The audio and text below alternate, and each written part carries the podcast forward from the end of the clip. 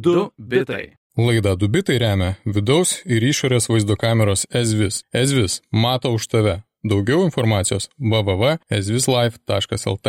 Sveiki klausytojai, čia laida Dubitai, kaip ir kiekvieną savaitę apžvelgsime technologijų pasaulio naujienų, apžvalgų, naujienų srauto naujienas. Esu Lukas Keraitis, šalia manęs Jonas Lekevičius, labas Jonai.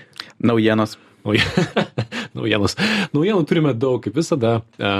Pirmoji naujiena, Jonas sakė, norėjau nekalbėti apie tai dar sekundę, bet aš sakau, be abejo, kalbėkime. Tai improvizuota Jono naujiena apie tai, kaip jis tiesiog jaudinasi, galvodamas apie Apple headsetą ir kad apie tai yra įvairių gandų, tad Jonai papasakok, nes aš ir pats negirdėjau dar. Žodis, kurį naudojau, yra spirgu. Aš spirgu dėl šito headseto. Aš priminsiu, jog metų pradžioje spėjau, jog mes šiemet jį pamatysime. Dabar dvigubino savo statymą, manau, mes jį pamatysime birželio penktą dieną. Ei. Bus Apple WWDC konferencija, manau, um, tada tikrai pamatysim, nes šią savaitę labai daug sugužėjo informacijos, galbūt anksčiau jau girdėtos, bet labai svarbu ir kas tą informaciją sako. Tai Wall Street Journal pas patikė daug informacijos, kurią esame anksčiau net minėję, jog tai bus miksuotos realybės prietaisas, kuris retransliuos realybę tau į šalmą, turėtų kainuoti apie 3000 dolerių. Retransliuos realybę tau į šalmą, kažkam šitas sakinys tikrai turėjo užkliūti.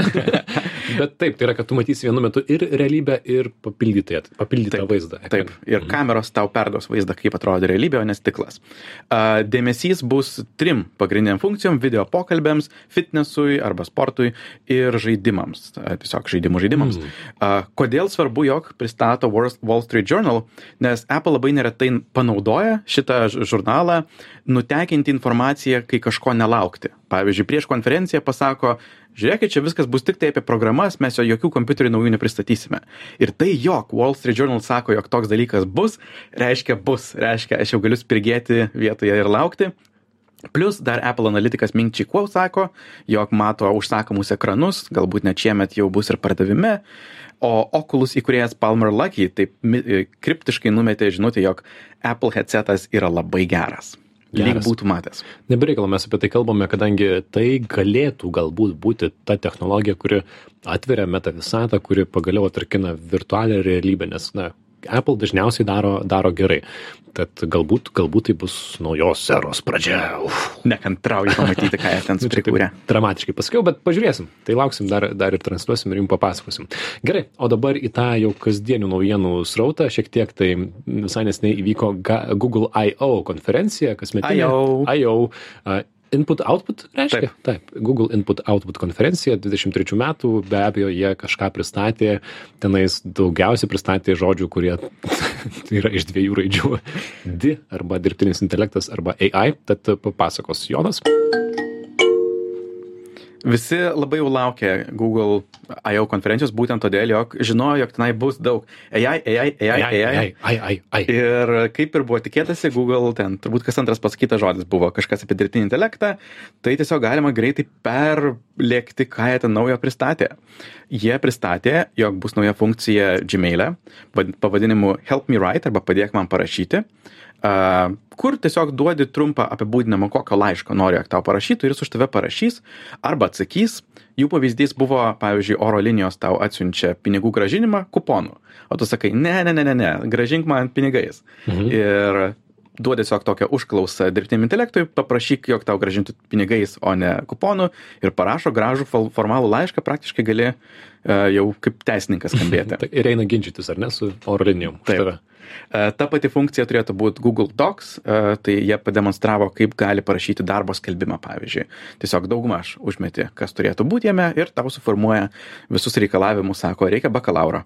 Mhm. Ir mane labiausiai nustebino, jog šita funkcija atsiras ir tiesiog žinutėse, ir šioje vietoje tiesiog dirbtinis intelektas perrašys tai, ką tu nori sakyti savais žodžiais. Gali, pavyzdžiui, paprašyti skambėti labiau entuziastingai, kas pasiruošęs pizzai, o gali sakyti, ne, kaip tik padaryk, aš mažiau entuziastingai skambėčiau, pavyzdžiui, einam užkast, klaustukas. A, ir ten buvo ta, ta, tas pavyzdys, kur galima paprašyti, kad skambėtum kaip Šekspyras, ar ne? Taip. O ša, shall we, shall we go eat? Taip. Bet e, šitas žinutės bus kino Android žinutės? Android? Android žinutėse programėlė, kuri net ir tavo jau dviejų žodžių žinutės perrašinės. Mhm.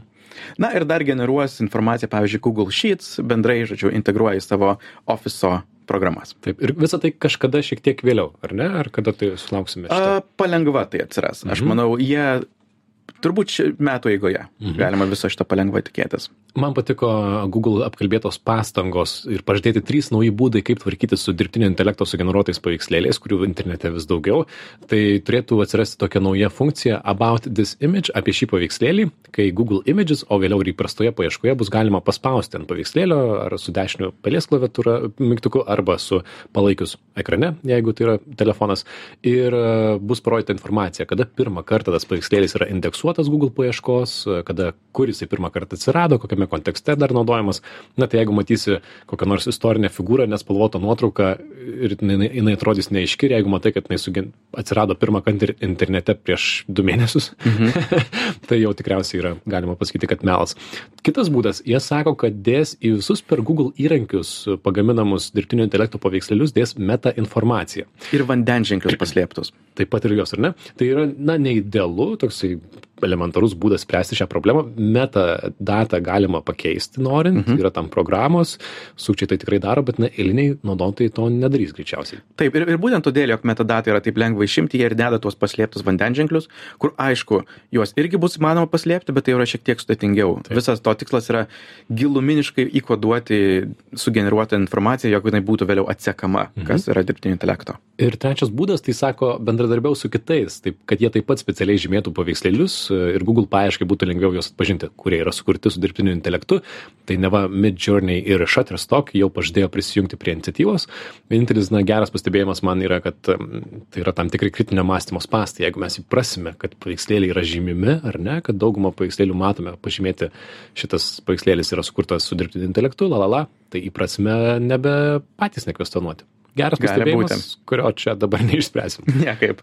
Skriem toliau. Per atnaujinimus ir toliau dirbtinio intelekto pasaulyje jie pašnekėjo apie savo chat GPT konkurentą pavadinimu Bardas arba Dainius, pasirodo lietuviškai dabar taip, išgirdau. Taip. Um, jie pristatė, jog jis dabar programuos 20 programavimo kalbų ir net galės cituoti kodą, iš ko, taip sakant, pasiskolino kodą, kas yra įdomu.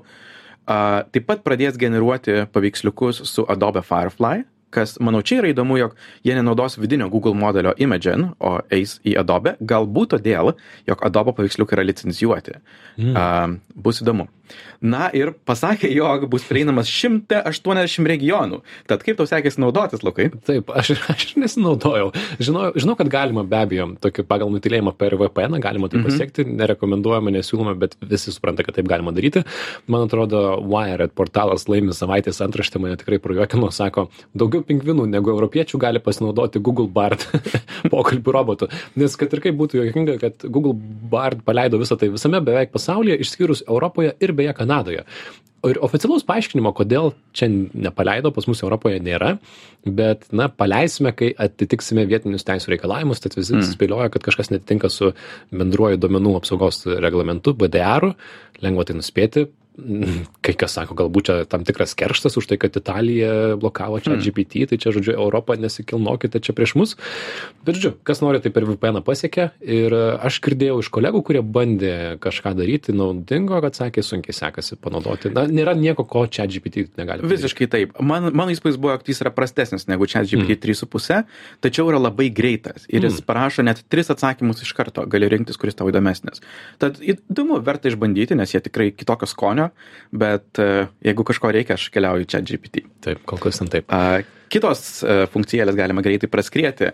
Dirbtinio intelekto generuojami ekrano fonai Androide. Bus galima tiesiog paprašyti, pavyzdžiui, jis tau pasiūlys tavo miestą impresionistiškai. Ir štai turėsi unikalų a, ekrano foną vienintelis pasaulyje tokį jie pristatė Magic Editor arba magiškai redagavimo įrankį.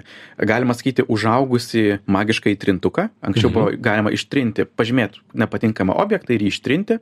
Dabar bus galima judinti objektus. Pavyzdžiui, jų e, demonstracija buvo vaiko nuotrauką, kur pusė balionų, kuriuos jis laiko, yra nukirpti, taip mhm. sakant, mhm. už ekrano rėmų. Tiesiog paima tą vaiką, pajudina į ekrano šoną ir dirbtinis intelektas sugeneruoja likusius balionus.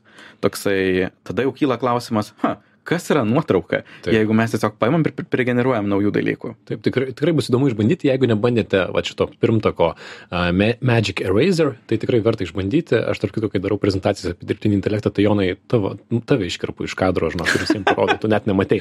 Bet magicstudio.com nemokamai yra įkeli nuotrauką, apibrauki, ką nori panaikinti iš ekrano ir gerai tai padaro, nereikia naudoti Photoshop ar panašių dalykų. Mhm. Na ir nemažai dėmesio skyrė savo būsimai naujai Google paieškai su žymiai daugiau dirbtinio intelekto, kuris vėlgi nustums nuorodas šiek tiek į apačią ir bandys tau pateikti pilnai suformuotą atsakymą viršuje. Ir Google sako, jog, na, mes nesumažinsim, kiek nuorodų žmonės spaudžia. aš kiek abejoju šio teiginiu, aš manau, jog žmonės bus patenkinti tuo atsakymu, kurį gaus viršuje paieškos. Ypač dabar, kai leis praktiškai kokią nors sudėtingumo užklausą duot Google su tikslu, jog na jis galės atsakyti. Mhm. O man asmeniškai įdomiausiai nuskambėjo jų eksperimentinis projektas pavadinimu Tailwind, kuris yra skirtas studentams um, susikurti praktiškai savo asmeninį dirbtinį intelektą pagal jų studijo, studijų turinį. Tai yra, jisai suindeksuoja tavo užrašus ir konspektus, bet taip pat ir dėstytojų duotas nuorodas ir kitus šaltinius ir tampa tavo asmeniniu dirbtiniu intelektu ir tada gali tokiu būdu ruoštis egzaminams rašyti kažkokius rašto darbus ir šiaip turėti savo asmeninį dirbtinį intelektą kuris žino tavo studijų informaciją. Aš labai laukiu noriu jam duoti visą savo užrašų krūvą, Taip. jog jisai taptų mano dirbtiniu intelektu ir galėčiau klausinėti visokiausių dalykų. Man ta pati idėja kaip tau, kad jį galima naudoti nebūtinai būnant studentu, ar? Mhm. Turėti savo asmeninę žinių bazę jame, bet šią akimirką visą tai dar tik tai bus, ar ne? Jeigu kažkas dabar susidomėjo ir norėtų išbandyti. Eksperimentinis projektas, e, toksai visiškai ribose, ką šiuo metu yra įmanoma dirbtinio intelekto, bet skamba nuostabiai. Skamba gerai, dėl to, kai išeis tikriausiai nebus taip gerai, kaip skamba, kaip daug kas gyvenime, bet na, gerai, nenumušiu iš tų lūkesčių. Įdomu, įdomu, mažiau mažiausiai įdomu įdomu. Na ir dar paminėjo savo naujus Pixel prietaisus, bet mes jų negausime Lietuvoje, tai turbūt neverta gilinti. Kodėl negausim? Google Lietuva neegzistuoja, ne tik A. bardui, bet ir jų fizinių prietaisų pardavime. Supratau, tai praleidžiam, važiuojam toliau tada. Žinių radio klausytėjim priminsime, kad girdite laidą pavadinimu Dubitai, aptarėme svarbiausias technologijų naujienas, Google I.O. konferencija apžvelgta, kita naujiena apie tai, kad OpenAI vadovas, tų pačių, kurie kuria čia GPT, liudijo Junktinių valstijų senate. Ir tai nebuvo kažkoksai labai nežinau, griežtas liudijimas, na, kaip yra Zuckerbergas buvęs, Bezosas buvę, kai prisidirba kažką kompanijų vadovai ir jie tada eina ant kilimėlio pas mhm. senatorius pasiaiškinti. Tai šiuo atveju senatas išsikvietė savo m, tiesiog patarti jiems, kaip reguliuoti juos. Paaiškinti, ką jie ten daro. Taip, paaiškinti, ką jie tai daro, tai buvo gana draugiškas pokalbis poros valandų ir Įdomu, kelios išvalgos iš, tų, iš to pokalbio ir kaip reikėtų reguliuoti dirbtinį intelektą, tai uh, Samas Altmanas, OpenAI, uh, OpenAI vadovas, sakė, kad jam taip, jam kelia nerimo tai kaip dirbtinis intelektas gali būti panaudotas blogais būdais. Pirmiausia jis paminėjo rinkimus ir dirbtinį intelektą. Ir vis garsiau jau jungtinėse valstijose kalbama kad dvidešim ketvirtais metais bus rinkimai ir kažin kaip bus ten kai dabar tiek yra naujų dirbtinio intelekto įrankių. Nedetalizavo ko bijo aš įsivaizduoju mažų mažiausiai spamą ir kitus. Matei dirbtinio intelekto vaizdų sukurtą video klipą su džo baidenu antireklamą jam O, dar nemačiau. Nematei? Tai įdėsim technologijų naujienos Facebook'e grupėje, įdėsiu tokią antireklamą politikui, tai va štai politikoje jau naudojama tai. A, taip pat e, Semas Altmanas sakė, kad Junktinės valstijos turėtų apsvarstyti dirbtinio intelekto modelių kūrimo licenzijavimo ir testavimo reikalavimus. Ką iš karto daugelis sukritikavo, kad uh mhm, -huh, nori licenzijuoti, tai daug kainuos, tai reiškia, kad iškris maži žaidėjai, o tokie dideli dirbtinio intelekto kuriejai kaip jūs liks. Čia bendrai galima tą reguliuokite mus išversti į uh, mes esame ok, Google yra ok, o visi mažesni žaidėjai tegul iškrenta. Taip, lauk. ir galų galę nuspręskite tas neaiškias ribas, kur mes nežinom, kaip nuspręsti ir turime ką kaltinti, o kol nereguliuosite, tai taip pat kaltinsime, kad nereguliuojate. Mhm. Na, žodžiu, dar verta paminėti buvo vienas New York universiteto psichologijos neuromokslų profesorius e, Gary Markus, jisai, man atrodo, gražiai vardino savo dvi pagrindinės rizikas, kurias mato su dirbtiniu intelektu, sako, melo kalbėjimas ir pavojingai su sveikata susiję teiginiai. Štai yra du pagrindiniai e, dirbtinio intelekto pavojai. Ir sako, jisai buvo labai nustebęs, kai Microsoft leido bingo paieškos robotui jo asmenybei Sidney, apie kurią tikrai mes kalbėjome, pabūti internete, net kai matė, kaip jisai siautė, kaip jis įrodinėja, kad jį reikia ištraukti iš interneto, išgelbėti ir panašiai. Tai va, jisai siūlo neprigalvoti daug smulkių taisyklių, kurios apsunkintų naujų žaidėjų įėjimą į rinką bet e, tai va daug įvairių pasiūlymų. Iš esmės kongresas spaudžiamas reguliuoti tas sritis kurios kuriose dirbtinis intelektas gali padaryti didžiausią žalą bet sunkiausia yra jas apibrėžti. Sąjunga turi savo rizikos lygius e, ai akte kuris yra europos parlamento patvirtintas, bet dar netapo įstatymu. Ten yra penki rizikos, keturi, penki rizikos lygiai, jokios rizikos, minimali rizika, ribota rizika, didelė rizika, nepriimtina rizika. Tai Altmanas panašiai nusi, nusižiūrėjo nuo šito įstatymo mhm. ir sako, na, tuos su nepriimtina rizika būtinai reikia, reikia reguliuoti. Tam jau paminėtume, kas pavyzdžiui europos sąjungoje įkrenta į tą nepriimtiną riziką kas turėtų būt griežtai tiesiog draudžiama ir ir dirbtinis intelektas turėtų nesikišti. Tai pavyzdžiui keli dalykai. Socialinio kredito sistema. Kažkas Mhm. panašaus kaip galbūt egzistuoja kinijoje jog turėtų būti neegzistuojant dirbtiniame intelekte. A biometrinis kategorizavimas žmonių a pagal kažkokias išvaizdos ar kitas charakteristikas. Taip pat mane lab- labai nustebino am kriminalinių nusikaltimų nuspėjimas į ateitį. Mhm. Toksai minority report filmas. Taip, bet e, aš atsimenu tikrai konferencijose nekartą esu girdėjęs, kaip tai pristatoma kaip didelė inovacija ir tai yra naudojama kai kur, kai kur sėkmingai. Tai įdomu, man, pavyzdžiui, įdomu, kad e, emocijų nustatymas e, teisės saugoje taip pat neturėtų būti arba, arba pasienyje būti naudojamas, kad, nes, nes labai tokia subtili tema, kaip mhm. nustatomos emocijos iš veido, ar tai iš tikrųjų veikia ar ne. Tuo pačiu visai nesusijusi naujiena, bet Junktinėse Amerikos valstijose praėjusią savaitę jau pradėta naudoti kaip testuojama veidų atpažinimas, e, kaip kaip paso atsvara, kur tu nueini prie, prie pasienio, paduodi pasą, nuskanuoja tavo veidą, palygina ir žmogus į tave nepažiūri. Tad čia tikriausiai apie tą patį. Bet štai, iš esmės e, su Europa galima tam tikrą prasme palyginti, nieko gal labai ypatingo tame pokalbėje ir neįvyko. Tie senato pokalbiai, jie yra tokie šiek tiek ir entertainmentas, ten paklausė vienas senatorius Altmano, sako, tai tikriausiai gali daug babkių, daug uždirbė. Dirbtinį intelektą kurdamasis, o jisai sako, ne, tai čia sveikatos draudimui man tik tai užtenka ir visi paploja pasijuokia. Tai tokie jų pasikalbėjimai. Valio, mes neturim sveikatos apsaugos. Auč, skaudesnį Jonas numetė, šitas geras. Dar vienas kažkas internautas gerai pakomentavo, kad Altmanas sako, mums reikia reguliuoti džinys kaip... e, Džinus. Džinus, sako žmogus, kuris iš esmės patrynė kiekvieną e, lempą, kurią tik tai rado. Taip. Yra gražus pasiū, pasakymas. Tad štai tiek apie Altmano pasakojimą senate, o toliau apie Apple. Kai mus girdite, jeigu mus girdite ketvirtadienį, tai tuomet sveikinu su šiandien esančia pasaulinė supratimo apie prieinamumą dieną, arba išvertus į anglų kalbą, tai Accessibility Awareness Day. Ir šios dienos proga Apple a, pristatė keletą su prieinamumu susijusių atnaujinimų savo operaciniam sistemam. Bendrai prieinamumas tai yra visos tos funkcijos, kurios padaro mūsų prietaisus lengviau naudojamus tiem, kas turi kažkokių apribojimų ar negalių.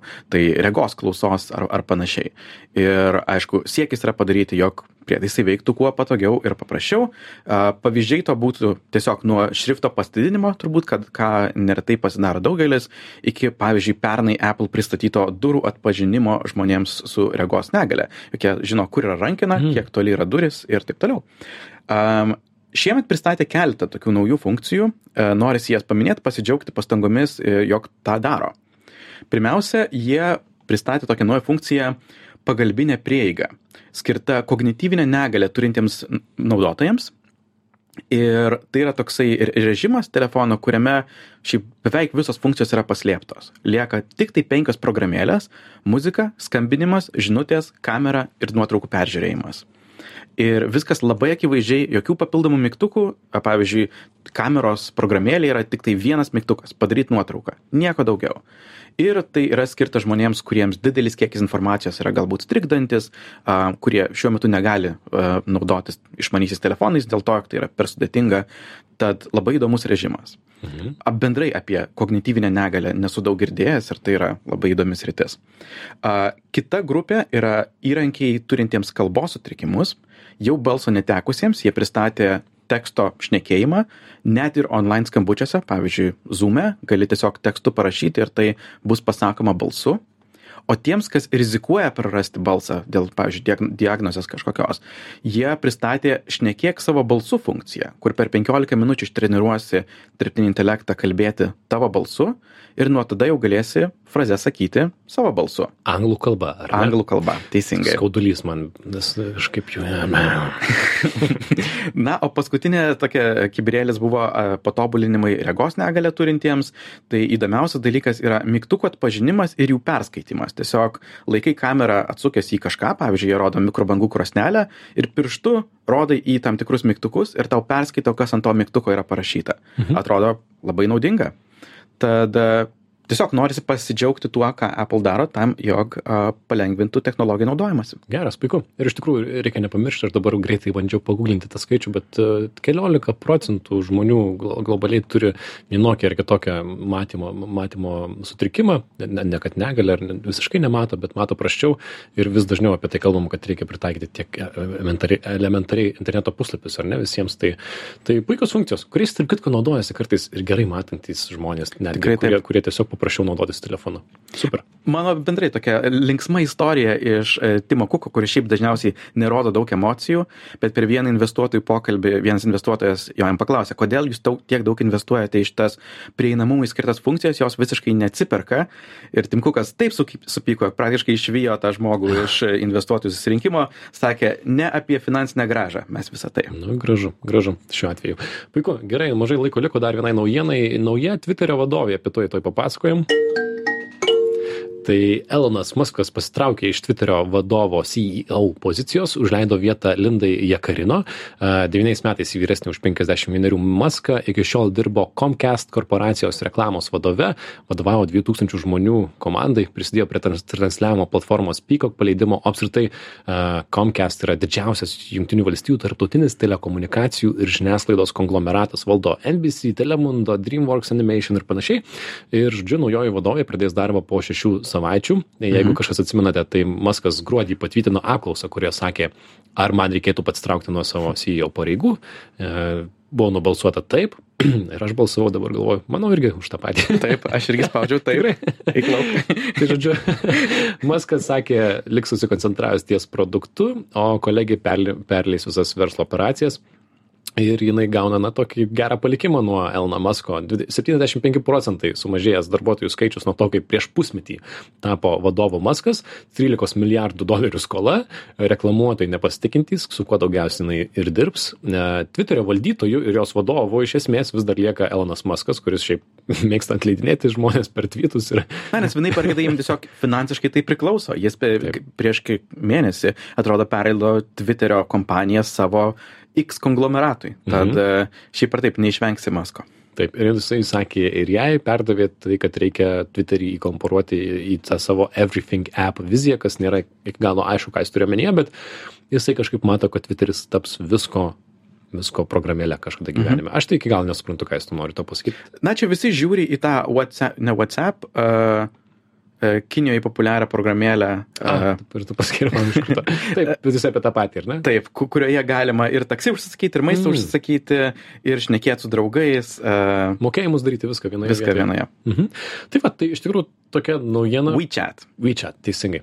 Tai va, nauja Twitterio CEO vadovė, nežinau, tikriausiai, tiesą pasakius, antraštės daugiausiai kalbėjo, kad štai dar viena technologijų vadovė moteris, ko, ko mažai technologijų pasaulyje ir nieko labai tokio kontroversiško, ar ne? Aš iš to žinutės perskaitau, man pagrindinis dalykas yra tai, jog jinai buvo tos Comcast korporacijos reklamos vadovė. Mhm, taip. ir tai yra signalas, jog Twitteris, kuris labai bandė eiti į prenumeratas su Twitter Blue, visgi supranta, jog galiausiai tai nepavyks. Jiems reikia likti reklamos verslu, kas akivaizdžiai sėkmingai suveikė Facebookui, tuo tarpu prenumeratas Facebook'e niekada nebuvo prigijęs dalykas, tad turbūt jie tiesiog eis į tai, kas ir šiaip ar tai buvo neišvengiama - tapti reklamos pardavimo erdvė, Taip. o ne prenumeratų. Jis yra sakiusi, kad galima išmokyti Maską dirbti su reklama, yra taip citavusi. Ir e, visiškai pabaigai labai trumpai paminėsiu, bet tokia visai šviežia naujiena, bet Twitteris Turkijoje šią savaitę uždraudė prieigą prie kai kurių tweetų, kai gavo prašymą iš dabartinės Turkijos valdžios, nes na, vyksta rinkimai ir kaip galima tikėtis nutildytos tos anketos, anketos kurios kritiškai e, vertina Turkijos valdžią. E, Visi tie tweetai yra prieinami visur išskyrus Turkiją. Įdomus toksai pamastymas. Maskas sako, kad, mm, na, ką man reikėjo daryti, ar pasirinkti užblokavimą tų anketų, ar būti užblokuotam visame šalyje, koks mano pasirinkimas. Ir pažadėjo pasidalinti Turkijos prašymų dokumentais, kaip jie paprašė jo užblokuoti ir tai ir padarė. Yra tie įrašai, tai pagal juos iš viso e, keturios paskiros, 400 tweetų užblokuota, e, tai žurnalistai ir panašiai. Bet Twitteris pažadėjo, kad kreipsis į teismą m, po rinkimų, kad gintų žmo, žo- žodžių, žodžio laisvę. Dabar tai negali. Bet e, žodžiu, tokia ilgesnė tema, kuriai būtų galima skirti daugiau laiko, nes Maskas turi gana šiltus santykius su Erdoganu, tai dar viena kontroversija Elonui į kišenę, o tuo mes savo laidą ir baigsime. Čia buvo laida Dubitai, mūsų svetainėje dubitai.com yra visos laidos ir šaltiniai, technologijų naujienos Facebook'o grupė, ten nueikite, pažiūrėkite, mes įdedame kažką papildomo, Spotify ir žiniųradijas.lt yra mūsų laidos, klausykitės ir kitą savaitę, sakom, ate, Lukas Keraitis, Jonas Lekevičius, čiau čiau. Ai, ai, ai, ai, ai, ai, ai. Ai, ai, ai. Du bitai. Laidą Dubitai remia vidaus ir išorės vaizdo kameros Ezvis. Ezvis mato už tave. Daugiau informacijos www.ezvislife.lt.